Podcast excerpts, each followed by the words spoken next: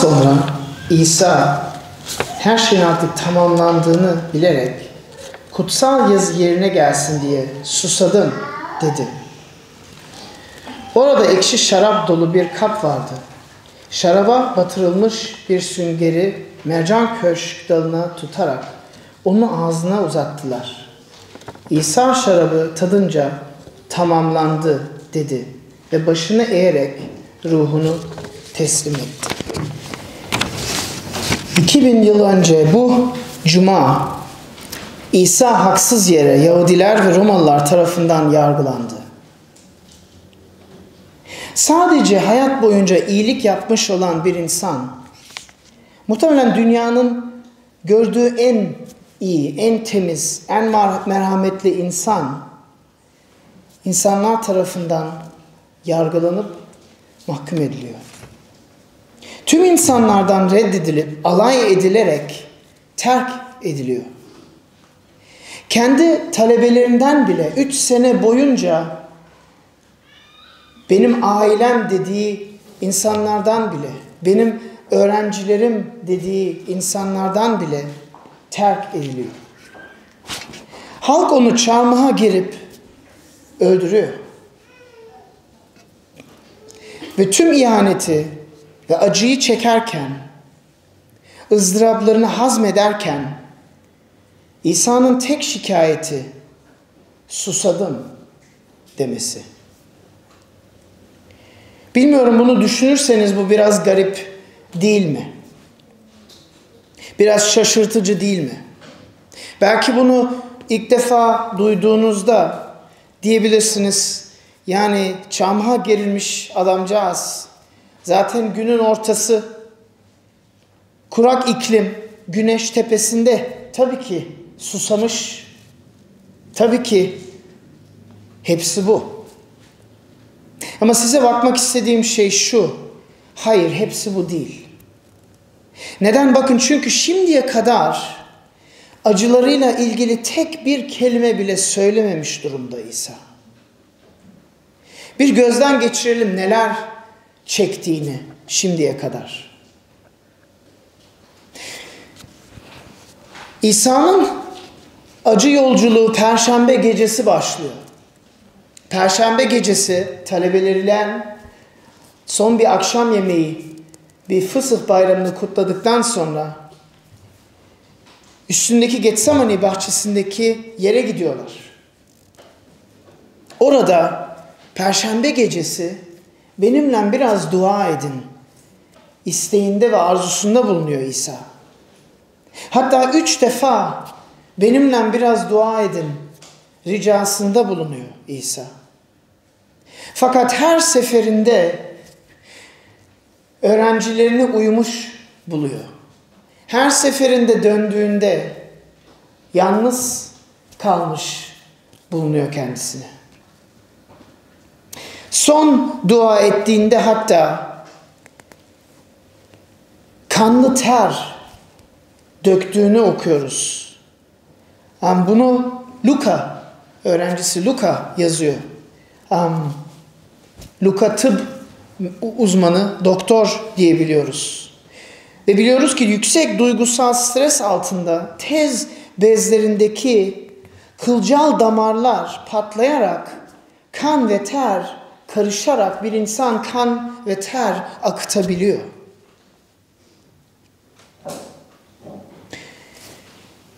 İsa burada bir hematidroz geçiriyor. Gece yarısı İsa talebelerinin birisinden ele veriliyor. Bu hatta çarşamba gecesi başlangıcını alıyor. Bir öğrencisi İsa'yı ele vermeyi karar veriyor. Ve gidiyor başkainlere, dil bilginlerine diyor ki bana ne verirsiniz İsa'yı elinize verirsem diyor. Ve 30 gümüş parçası pahasına İsa'yı ele verme kararını veriyor. Yahudilerin baş kainine götürülür İsa. Tutuklandıktan sonra gece yarısında. Bir haydut gibi tutuklandıktan sonra. Gözlerini, gözlerini bağlarlar. Yumruklarıyla vurarlar. Bağırarak alay ederler. Söyle kim vurdu sana? Madem ki bir peygambersin. Yüzüne tükürürler. Küfür üstü küfür üzerine dökerler. Ertesi sabah cuma saat 6 gibi uykusuz dövülmüş bir İsa vali Pilatus'un önüne çıkarılır. Pilatus sorumluluğunu Herodes'e devretmeye çalışır. Ve böylece İsa saat 7'de sabahın 7'sinde Herodes'ten karşı karşıya gelir. Ama İsa'yı sonra yine Pilatus'a geri gönderir.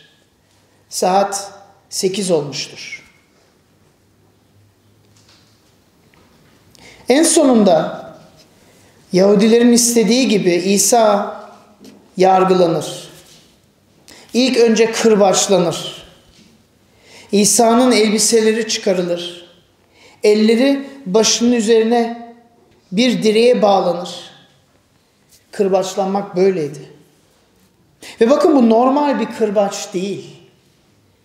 Bugün bildiğimiz bir kırbaç gibi değil. Bu kırbacın kirpiklerinin ucunda kemik ve metal parçaları vardı. Her vuruşta insanın omuzundan, sırtından, bacaklarından et parçaları kopararak yırtılırdı.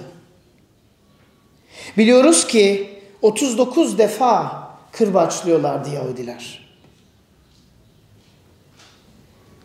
Önce derinin kılcal damarlarından kan fışkırtıyordu. Sonra altta yatan kasların kan damarlarını, arteriyel kanları zedeleniyordu. İsa'nın omuzu, sırtı, tüm alanı yırtık ve artık görünemeyecek hale geldi. Kan içinde bir kütlenin haline geldi. İsa baygınlığa yakın. Sonunda iplerini çözerler ve taş zeminle kendi kanının içine düşer.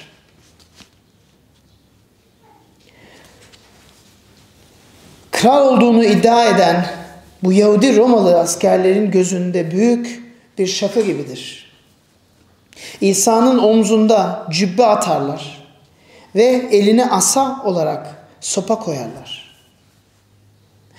Alaylarını tamamlamak için bir taca ihtiyaçları var. Çünkü bu sonuçta bir kral iddiasında.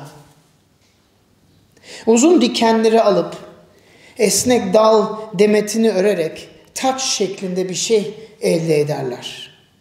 Kafa derisine bastırarak üzerine koyarlar. Yine bol kan akar çünkü kafa derisi vücudun en vasküler, en hassas bölgelerinden birisidir. Saat 9 olmuştur. Askerler elinden sopayı alıp kafasına vurarak dikenli tacı daha derine vururlar. Sadistliklerinden doyunca cübbesini sırtından koparırlar. Kan ve yaralı yerden yapışmış olan bir cübbeyi koparmak ne demektir? Bir ameliyat geçirmiş bir hastanın bir cerrahi bandajın dikkatsizce çıkarmışlığına denk gelir. Yaralar tekrar kanamaya başlar. Son olarak 50 kilo ağırlığında bir haç İsa'nın omuzuna yerleştirilir. 600 metre yolculuk başlar. İsa aşırı kan kaybından dolayı, yaralarından dolayı, şok içinde olmasından dolayı bunu artık üstlenemez. Tökezlenip düşer. Haçın sert ahşabı, yaralı deri ve omuz kaslarını kazar. Yüzbaşı haçı taşımak için hemen bir insan arar.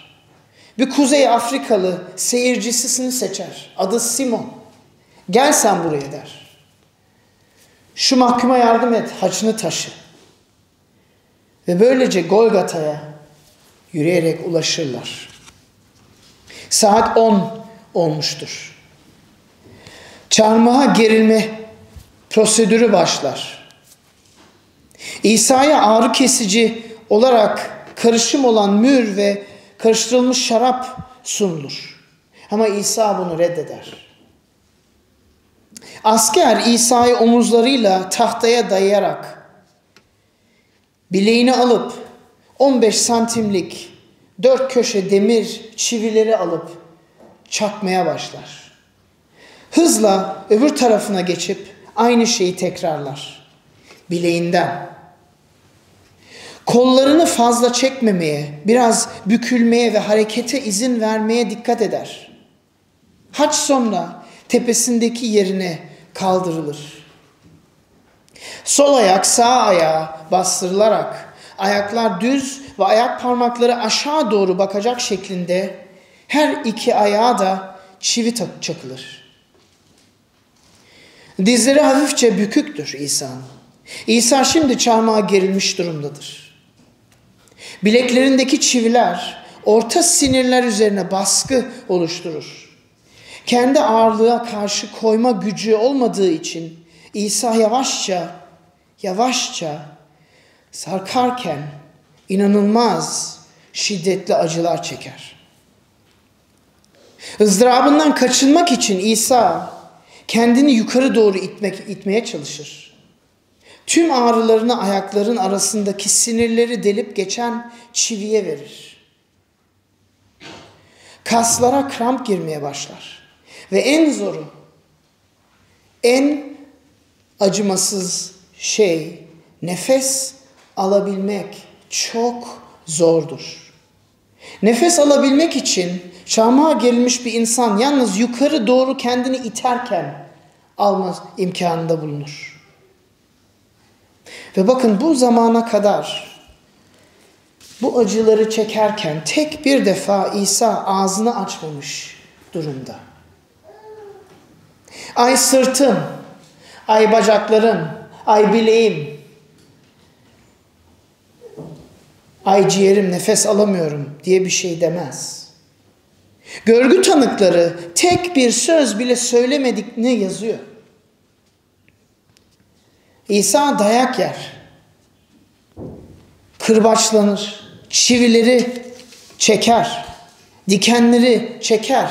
Alayları çeker. Dövmeleri çeker. Sopaları çeker. Ama hiçbir şikayeti yok. Fakat burada susadım diyor. Bu sizce garip değil mi? Bakın bu sadece bir susamak değil. Bu kutsal yazıların gerçekleşmesidir.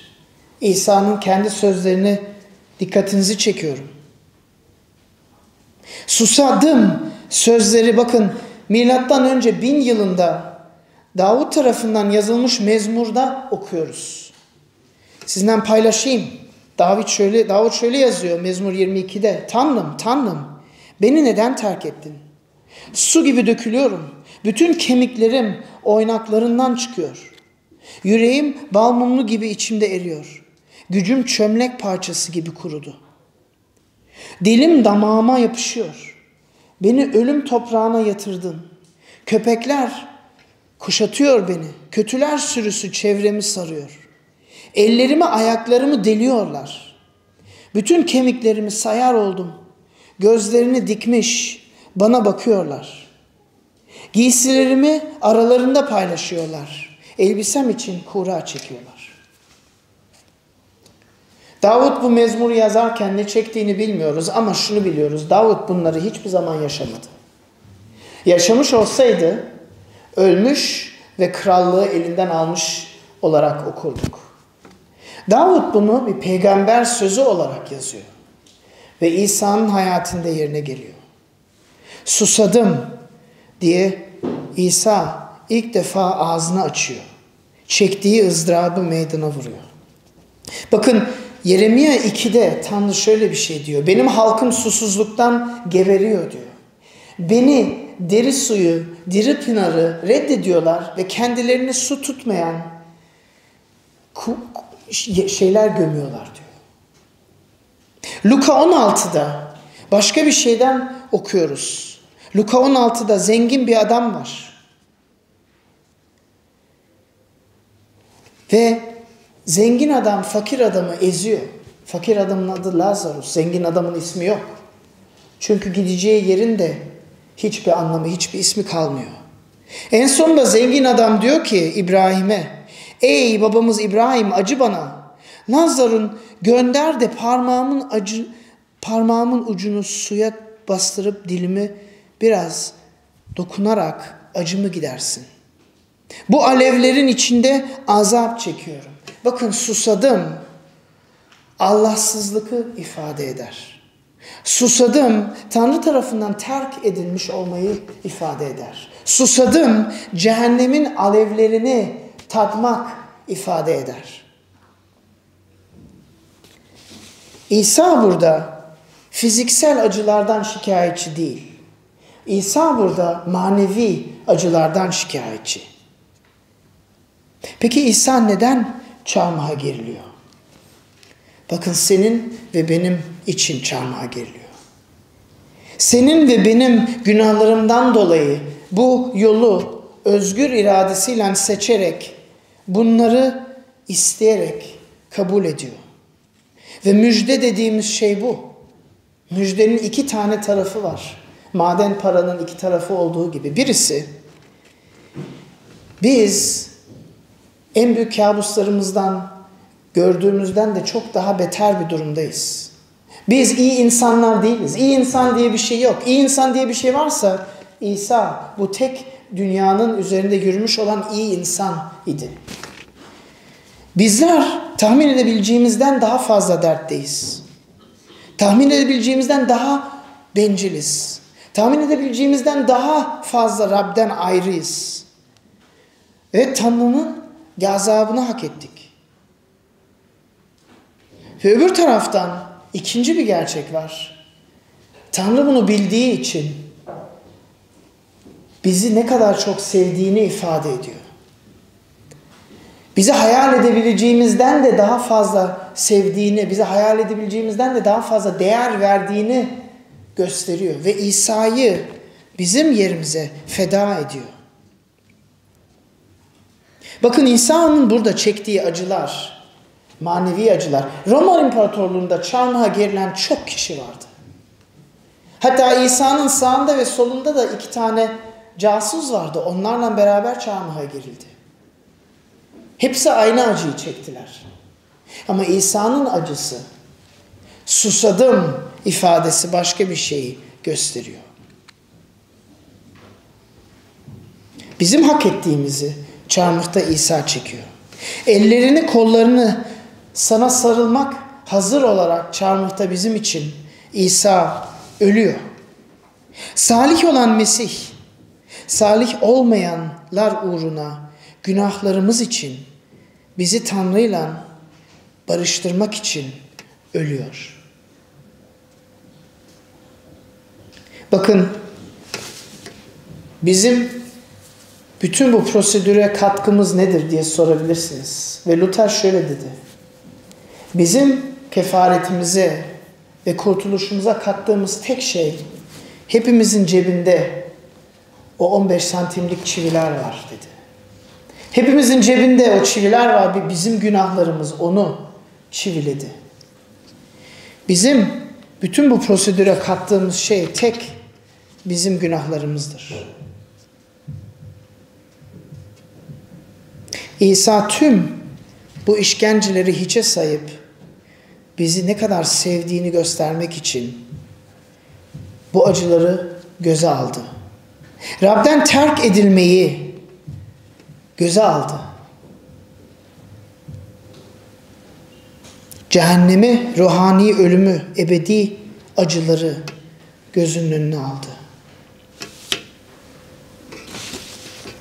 Tekrar İsa'nın sözlerini okuyorum. Daha sonra İsa her şeyin artık tamamlandığını bilerek kutsal yazı yerine gelsin diye susadım dedi.